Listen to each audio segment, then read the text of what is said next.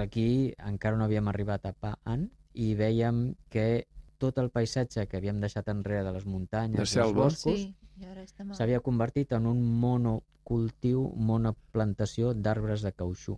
Però Per dies, quilòmetres i i dies, dies i dies i dies, dies. Dies. d'arbres de cautxú.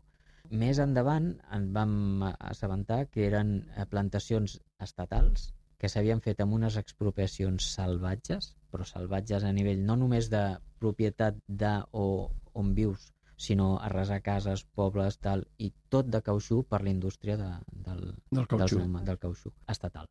De, Suposo que és exportació i els beneficis són pels militars. Sí, Sí. No, no se'n parla la gent que... si tens una casa, una cabana o una propietat que ve fora, expropiat i, i avall. Llavors vam seguir endavant i portàvem un bon promig de Què quilòmetres. caminàveu a Birmània de mitjana?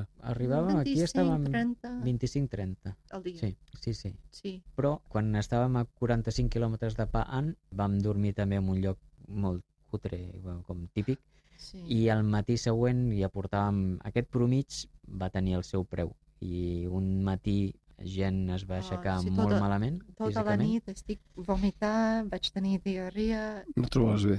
no, no puc. Vaig començar el dia molt, molt Molt ensorrada? baix i no sé, potser nosaltres vam fer 5 quilòmetres, no puc, no tinc energia, no tinc sal, no tinc res, i llavors nosaltres Clar, vam llavors, agafar un fogoneta... Sí, aquí un- vam veure que no, Però no, agafar autostop o veu agafar el transport públic? van fer Um, autostop però va parar un transport públic eh, bueno, un autobús d'aquests eh, Sí. que van, ens Sí. recuperar, vam pagar el, el bitllet i aquí va ser els 45 únics quilòmetres que han fet sobre rodes a Birmània